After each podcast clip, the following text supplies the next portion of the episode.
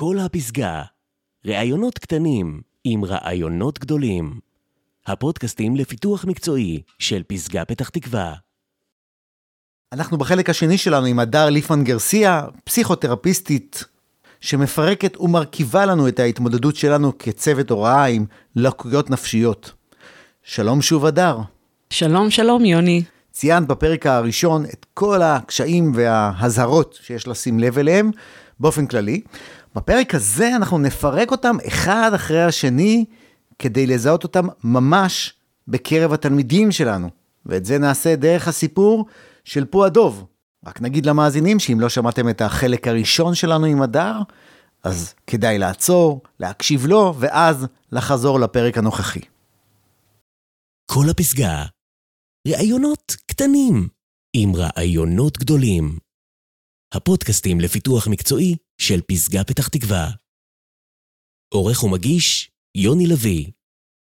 והפעם, עושים הנפשה לנפש. מתיידדים עם לקויות הנפש, יחד עם פו הדוב וחבריו.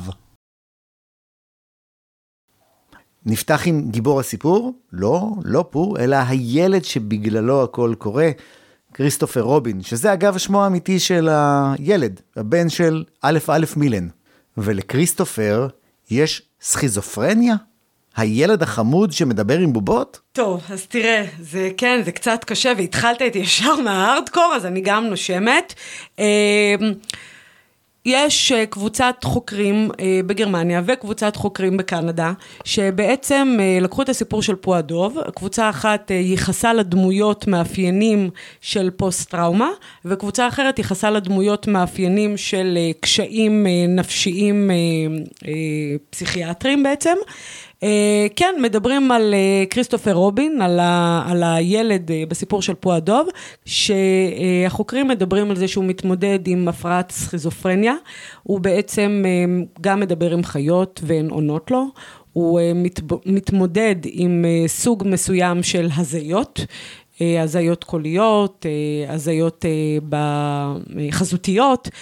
אמ, ובעצם מייחסים לו את, ה, את הלקות הזו, את הקושי הזה של אה, סכיזופרניה, שהוא אחד ההתמודדויות הקשות ביותר שיש, אבל אותה אנחנו נניח בצד אה, לצורך הדיבור הזה. טוב, אז היינו עם אה, האיש שבגללו הכל התחיל, אבל החבר הכי טוב שלו, שכולנו מכירים, פו הדוב, כן. בולמיה, דוב, אוכל דבש והרבה, למה בולמיה? אוקיי. אז קודם כל, אה, לפני שאנחנו מדברים על הקושי או הלקות של אה, כל דמות, כמו כשאנחנו מדברים על קושי ולקות של ילד, נער או מבוגר, אנחנו צריכים לזכור שלקות היא חלק אחד מהמרכיבים האישיותיים של הדמות. כלומר, הוא גם חייכן, הוא גם חמוד, הוא גם חברותי, הוא גם לבבי, הוא גם uh, הרבה דברים חיוביים לפני שאנחנו מדברים על, ה, על הקושי שלו. וכן, אה, פועדוב, מייחסים לו בסיפור הפרעת אכילה, אה, שהפרעת אכילה היא בעצם אה, טווח מאוד מאוד רחב. אנחנו מכירים בדרך כלל את שתי ההפרעות העיקריות שהעם מכיר את המילה בולמיה ואת המילה אנורקסיה, שבאנורקסיה אנחנו מדברים על מצב של להימנע מאכילה. אכילה מופחתת אם בכלל ותחושה של שומן, גם אם מדובר על תת משקל, ובולמיה, שזה הצד ההפוך, שזה להיות בעצם גרגרן, זללן, אה, אוכל אה, כמות יותר גדולה מכפי שהגוף יכול להכיל, ואז בדרך כלל מקיא אותה החוצה. לפוע דוב מייחסים אה, את כל העניינים האלה של גרגרנות, זללן כזה שכל הזמן מתעסק באוכל, חושב על איך להגיע לדבש, כשמציעים לו... פרוסת לחם עם חמאה או עם דבש, ושואלים אותו, מה תעדיף הוא הדוב? הוא אומר, לא משנה הדבש או החמאה, העיקר בואו נתמקד בלחם. הוא ככה כל היום אה, עסוק בנושא הזה של האכילה, ובגלל זה מייחסים לו את התכונה הזו. לצד זה מייחסים לו גם הפרעת קשב וריכוז. דרך אגב, כל הפרעה שאני מדברת עליה, או כל קושי שאני מדברת, הוא יכול להתאים לכמה דמויות במקביל, אבל כאן אנחנו אה, ננסה למקד את זה. ובעצם אה, קשב וריכוז, שאנחנו מכירים היום המון המון ילדים ונוער וגם מבוגרים שמאובחנים, אה, מאופיין ב...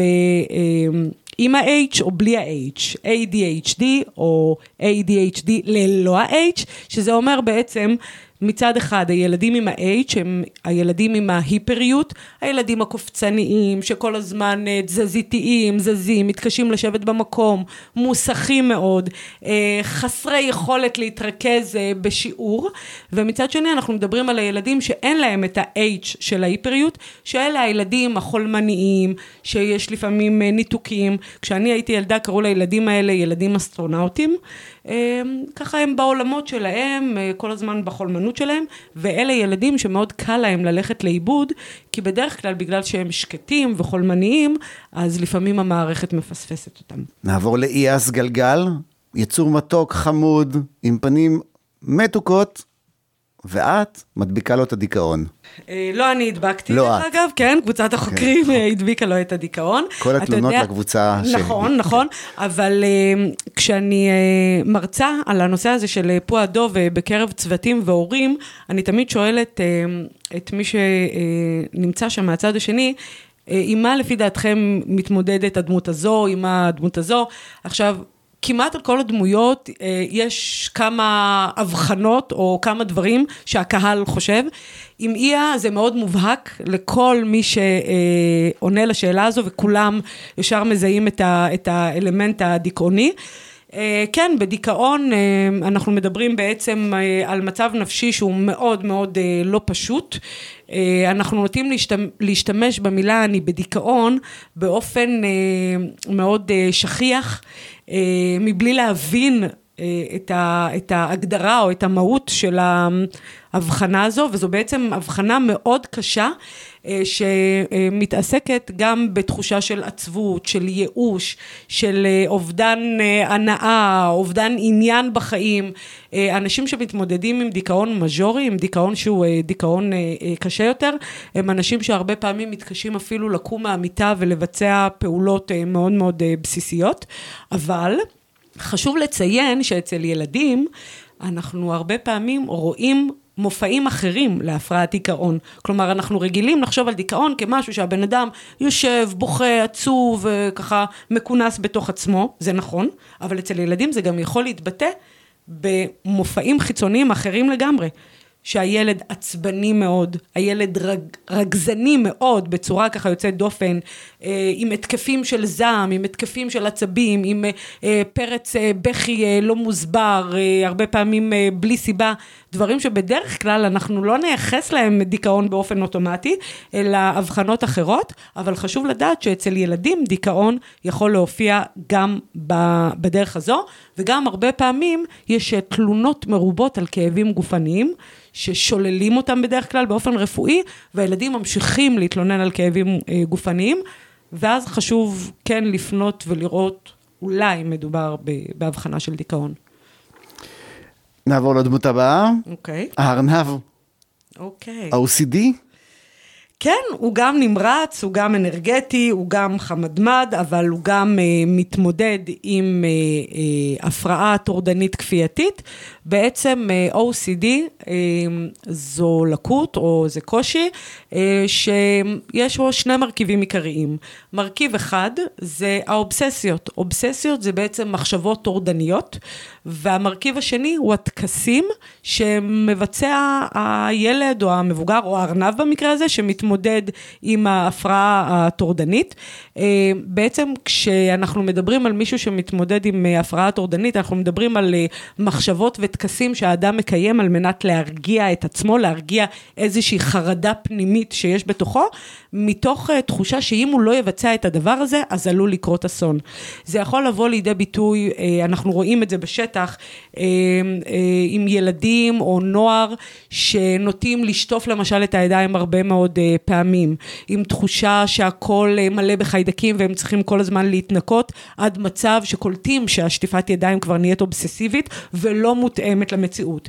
יש ילדים, נוער, מבוגרים, שמתמודדים עם כל מיני טקסים כמו אסור לדרוך על הקווים במדרכה, אסור לדרוך על השחור או הלבן במעבר חצייה, צריך להדליק את המתג של האור בכניסה לחדר או ביציאה מהחדר שלוש פעמים, צריך להיכנס תמיד לחדר ברגל ימין ו/או שמאל, תלוי במחשבה של האדם, חייב לנעול את הדלת של הבית ארבע פעמים, כלומר כל מיני טקסים כאלה שהילד לא מסוגל להתקיים או להתנהל או לתפקד כמו שצריך, מבלי לבצע את הטקסים, וצריך מאוד מאוד לשים לב לכל הדברים האלה, חזרתיות, בספירה, בדיבור, במגע. בחיכוך למשל של אה, היד בעצמים מסוימים, אה, כל מיני דברים כאלה שצריכים להדליק לנו נורות אדומות, שאולי, אולי, שוב, לא בהכרח, אבל אולי מתמודדים עם איזושהי הפרעה טורדנית כפייתית. לכוכב הבא, לינשוף. אוקיי. לקות למידה, ינשוף, הגאון, זה שנותן תשובות לכולם? יופי, לא. אתה, אתה, אתה אומר דבר מעולה, כי חשוב קודם כל לציין ולומר שלקות למידה לא מעידה בכלל, בכלל, בכלל, על אינטליגנציה, על uh, יכולות קוגניטיביות, על, uh, על uh, תבונה של uh, ילד, אין שום קשר בין לקות למידה לבין כמה הילד יכול להיות אינטליגנט וחכם ובעל ידע עולם. לקות למידה יכולה לבוא uh, בדרכים uh, שונות ומגוונות, uh, יכול להיות הדברים שאנחנו מכירים הרבה פעמים, uh, uh, uh, שומעים את המילה דיסלקציה, דיסקלקוליה, דיסגרפיה, שכל הקללות האלה בעצם קשורות בקושי לכתוב, סיכול אותיות, אה, קושי בקריאה, קושי בשימוש במספרים, אה, דברים כאלה. יש בעיות בשליפה, בעיות בזיכרון לטווח ארוך או לטווח קצר. אה, יש מנעד מאוד מאוד רחב של לקויות למידה שקיימות, ועדיין חשוב לזכור שגם ילד או נער שמתמודד עם לקות למידה, לא מעיד שום דבר על האינטליגנציה שלו ועל היכולות שלו להגיע להישגים לימודיים גבוהים, עם התאמות שמותאמות עבורו. בסדר? אז, אז זה ינשוף. זה ינשוף, כן. לינשוף למשל יש שם הרבה מאוד שגיאות, אה, שגיאות אה, בכתיבה שלו. אה, בסיפור יש איזשהו חלק שהוא כותב ברכת יום הולדת. מהצד, אם uh, מישהו קורא את הברכה, הברכה שלו במקום נאמר Happy birthday to you, uh, נשמעת כמו אה או אה או או או או, כי ככה הוא כתב אותה. אבל ינשוף יש לו מנגנונים של פיצוי, והרבה פעמים אנחנו רואים אצל מתבגרים וילדים עם לקויות למידה, שיש להם מנגנונים שהם לומדים לפצות.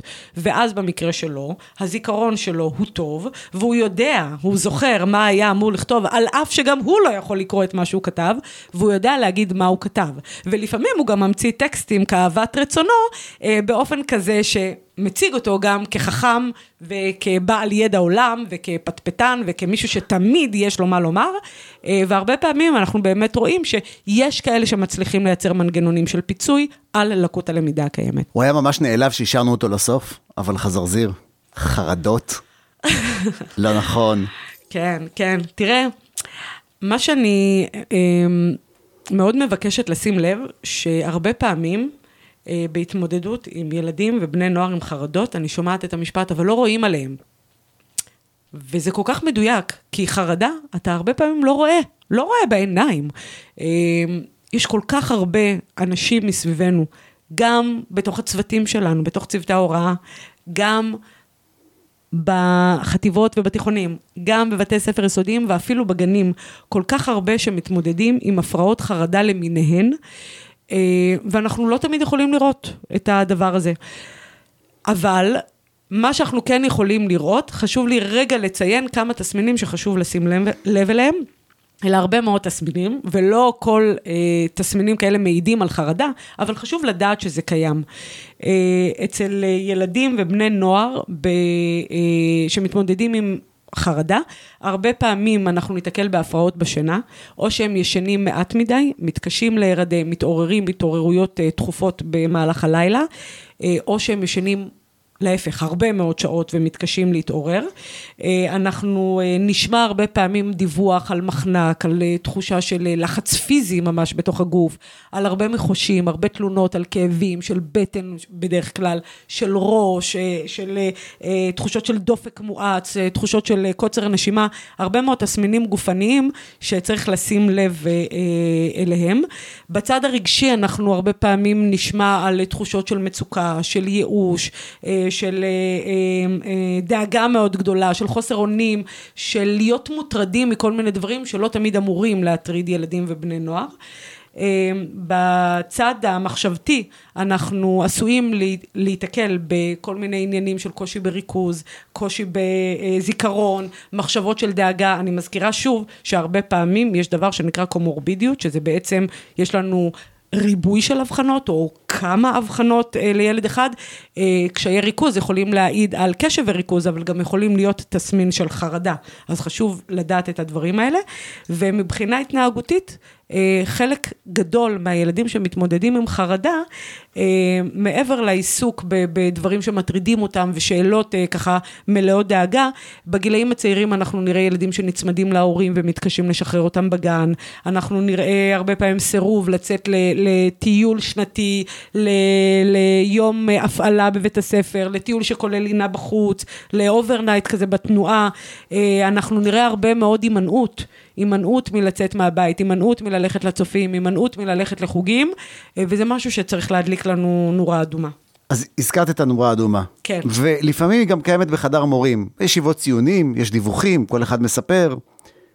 ויש מקרים שבהם דווקא אצלנו, כל התלמידים האלו שהם מלאים בנורות אדומות אצל המורים האחרים, אצלנו הם זורחים ומשתתפים ומצליחים להביא את עצמם.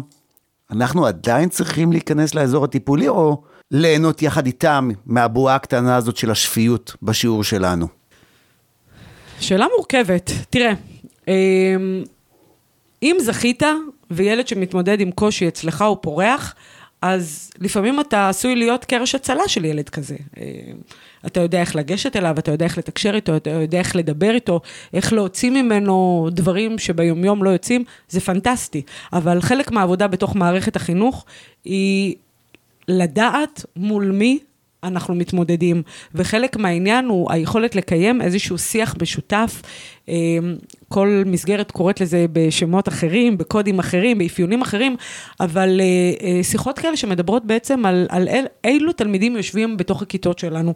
כי מורה מקצועי, יכול להיות שהוא נכנס שעה או שעתיים בשבוע, ולא תמיד יודע, מן הסתם, בתוך ריבוי כיתות וכיתות ענקיות, לא תמיד יודע על דברים שילדים מתמודדים איתם, אבל uh, כשמתקיימות ישיבות יידוע בצוותים בתוך בתי ספר, ומציינים את התלמידים שמתמודדים עם קשיים למיניהם, שוב, לא תמיד מאובחנים בהכרח, אבל קשיים והתמודדויות, אז יש יותר יכולת uh, מערכתית, רוחבית, uh, ויש יותר יכולת להסתכל בראייה הוליסטית על הילד, ושהמערכת תהיה יותר אתה יודע, מיודעת ויותר ערה לדברים האלה, גם אם אצלך בחדר הוא כוכב השבוע והוא, והכל נהדר, עדיין חשוב להציף ולדעת את הדברים האלה. זה אומר לגבי המערכות שחייבות לידע את כל מי שנוגע בתלמיד בצד הסודיות והשמירה עליו.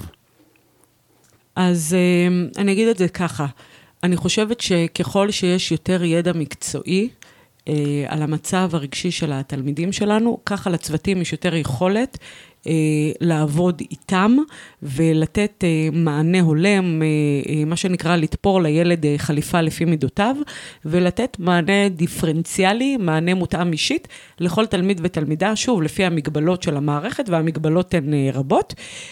אבל בשביל זה אנחנו ממש מחויבים אה, לשתף פעולה עם ההורים, ומחויבים לכך שההורים ישתפו פעולה איתנו על מנת לקבל את הדיווח, לקבל את היידוע, אה, אם ילד אה, מקבל הבחנה, כל סוג של הבחנה, אם ילד מקבל טיפולים למיניהם. חשוב מאוד שההורים ימצאו את אנשי הצוות הרלוונטיים בתוך בית הספר, בין אם יועצת, בין אם מחנכת, מחנך, בין אם גורם טיפולי בתוך בית הספר, על מנת שגם יוכל לשמור על הילד או הילדה. וגם אה, שנוכל לתת בעצם את המענים ההולמים עבור כל אה, תלמיד ותלמידה.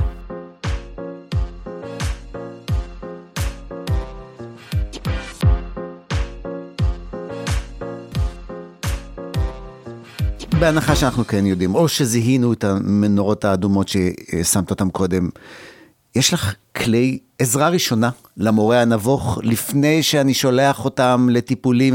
מה אני עושה בכיתה מול כל פור, טיגר, אי, החזרזיר, ינשוף והשאר שיש לי בכיתה. אוקיי. Okay. אמ, קודם כל, הדבר הראשון שאני חושבת שצוותי הוראה, גם אם הם לא אנשי טיפול, גם אם אנחנו מדברים על אה, מורים מקצועיים אנשים בשטח שאין להם ידע אה, טיפולי, אז היכולת לזהות זה השלב הראשון.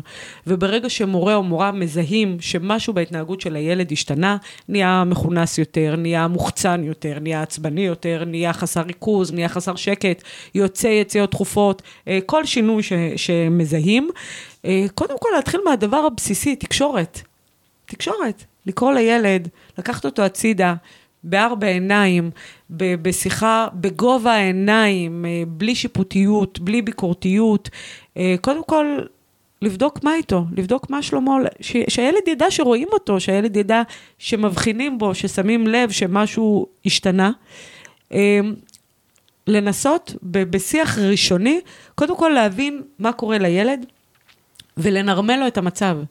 ילד בחרדה, ניקח למשל חרדת מבחנים, שחרדת מבחנים עשויה להיות מאוד uh, משתקת. Uh, ילד כזה יושב מול מבחן ופתאום לא מסוגל לזוז. Uh, מש, משותק באמת, משותק פיזית, לא מסוגל לבצע את מה שהוא אמור לבצע במבחן.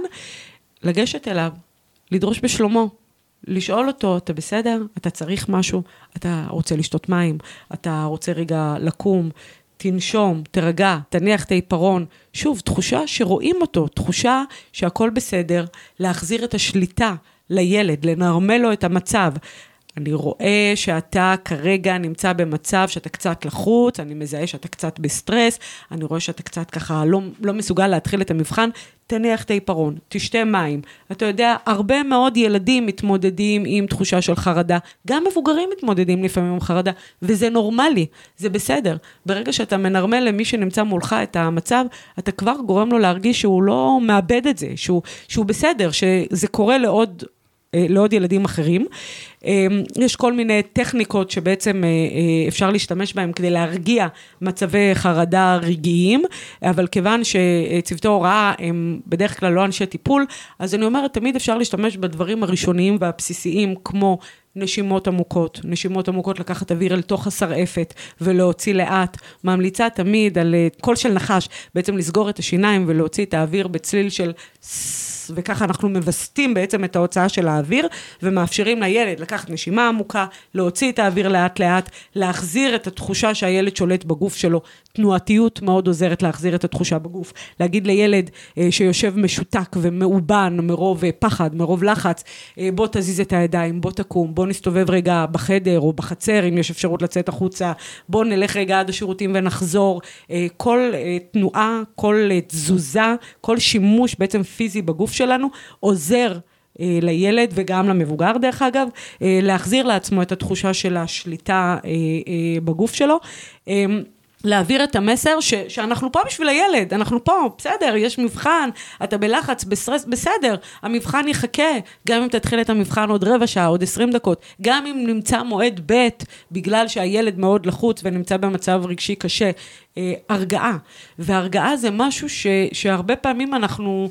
אה, לא נותנים לו מספיק דגש ו- ומספיק משקל בתוך המערכת, כי יש הרבה מאוד דרישות, וצריך לסיים uh, מהר מאוד את המבחנים ולהגיש את הציונים, ואני אומרת, ה- היכולת הזו שלנו כצוותים, רק לראות את הילד שיושב מולנו, uh, לאפשר לו להבין שהוא לא רק תלמיד שצריך לגשת למבחן ולהגיש עבודה, אלא הוא עולם ומלואו, הוא הרבה מעבר.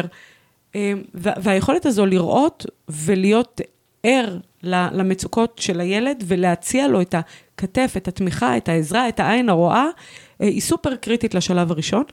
ובשלב הבא, כשאנחנו מזהים דברים ו- ושולחים ילד ל- ליועצת, למטפלת, לאנשי מקצוע בתוך בית הספר, בעצם להסיר את החומות ש- שלא לפחד מכל מה שקשור למערך הטיפולי. בדיוק בנקודה הזאת שהוא שיתף פעולה איתי, ויכול להיות שהוא משתף איתי פעולה על בסיס אישי, והוא סומך עליי שזה לא יתגלגל הלאה, לא ליועצת, לא להנהלה, לא להורים, וברגע שאני שובר את המוסכמה הזאתי, אז קרש ההצלה האחרון נעלם. אתה נוגע פה בסוגיה סופר סופר רגישה וסופר נכונה. אתה צודק. במידה מסוימת, ברגע שילד בא ונחשף בפניך כאיש הוראה וסיפר על קושי או על מצוקה, אם אתה אה, פוגע לו באמון, אז אה, עלול להיות אה, הדבר, אתה יודע, שיסיים את הקשר ביניכם, יסיים את האמון והילד יותר לא יסמוך עליך. יחד עם זאת, אני מאוד מאמינה בשקיפות, בלהיות אותנטיים, בלהיות הכי אמיתיים. ילד בא וסיפר לך על מצוקה, אתה אומר לו, תשמע, אני כל כך כל כך מעריך את זה ששיתפת אותי. אני כל כך מודה לך שבחרת בי להיות האדם שאתה מספר לו את הדברים האלה, אבל אני חייב להגיד לך שדבר כזה וכזה וכזה, אני מחויב על פי חוק לדווח ליועצת ו/או להורים, ואני רוצה שתדע, כי אני לא רוצה לעשות את זה מאחורי הגב שלך, ואני לא רוצה שאתה תרגיש שאני בוגד באמון, אני רוצה שתדע שאני מחויב על פי חוק להגיד אה, ולדווח, וברגע שאתה אומר את זה, גם אם הילד יכעס, אה, וגם אם הילד יהיה מתוסכל מזה שסיפרת, ו- ובסדר, זה לגיטימי לכעוס ולהיות מתוסכל, עדיין זה שם אותך בעמדה קצת אחרת, כי היית מספיק אמיתי איתו כדי לומר לו את הדבר הזה. ועוד הצעה, אם מזהים ילדים שמתחילים לדבר על תכנים, למשל אובדניים, או תכנים שקשורים בפגיעה, של אה, תחומים שאנחנו מחויבים לדווח עליהם, אז אפשר כבר בתחילת השיחה להגיד לילד, תשמע, אני מבין שאתה הולך לדבר על משהו שקשור ברצון למות, או ב... אתה יודע, לפי התכנים שהילד מתחיל, כמובן, לא להכניס לו רעיונות לראש, ולהגיד לו, אני רוצה שתדע שבתחום הזה אני מחויב לדווח. ואז אתה מחזיר גם את תחושת המיקוד והשליטה אל הילד, שהוא יכול להחליט האם הוא בוטח בך ומספר לך על המצוקה שלו ועל הקושי, או האם הוא אומר, פה פה פה פה פה פה, יוני, תשמע, אם ככה אתה אומר לי, אז שלום וכל טוב. ואז ההחלטה היא בעצם בידיים של הילד. כל הפרק הזה, הכוונו מורים לטפל בתלמידים, אבל אני מניח שחלק מהמאזינים והמאזינות שלנו מצאו שם את עצמם. מי יטפל בנו, במורים? אה, אני חושבת שזה גם מורכב. במידה מסוימת, אה, אני אומרת בשנים האחרונות, שהמורים בחינוך הרגיל, בבתי ספר רגילים ובכיתות רגילות, נדרשים להתמודד עם הרבה מאוד תלמידים אה, שמתמודדים עם קשיים אה, נפשיים, רגשיים, אה, ילדים עם בעיות תקשורת, ילדים עם בעיות חברתיות, ילדים עם קשב וריכוז, ילדים עם לקויות למידה, ובסוף כל מורה או מורה מוצאים את עצמם נדרשים להתמודד עם סוגיות של החינוך המיוחד. ולרוב המורים אין הכשרה של חינוך מיוחד, כמו גם אין מענה טיפולי בתוך המסגרות. ואני חושבת שההתמודדות שנדרשת אה, בשנים האחרונות להתמודד עם כל כך הרבה מורכבויות בתוך המערכת, אה, הלוואי ובעולם אוטופי אה, הייתה אפשרות לדאוג למערך טיפולי גם לצוותים בתוך בתי הספר או בתוך הרשויות. בין אם סדנאות טיפוליות בתוך בתי הספר, בין אם אה, להנגיש את כל הנושא הטיפולי אה, בבתי הספר עבור הצוותים.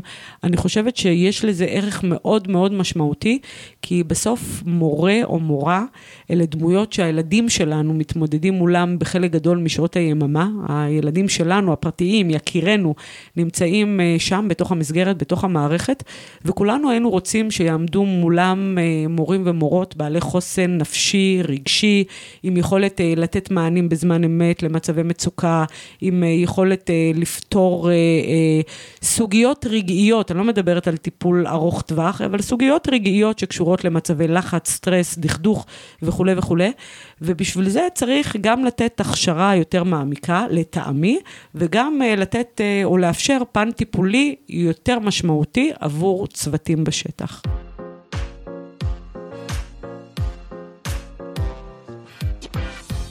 הגענו לסיום.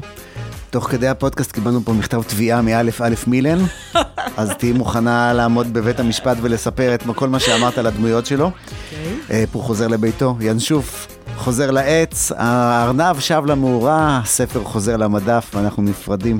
תודה רבה, דר ליפמן גרסיה. בשמחה, אה, היה לי העונג, אני מודה מאוד על הזכות לבוא ולדבר על נושא כל כך חשוב, ואני מקווה שאתה יודע, אה, ימשיכו לקרוא את הספר של פועה דוב מבלי להילחץ ממה שדובר, ומצד שני שתהיה אה, התייחסות וחשיבה על התחום הזה. תודה, יוני. להתראות.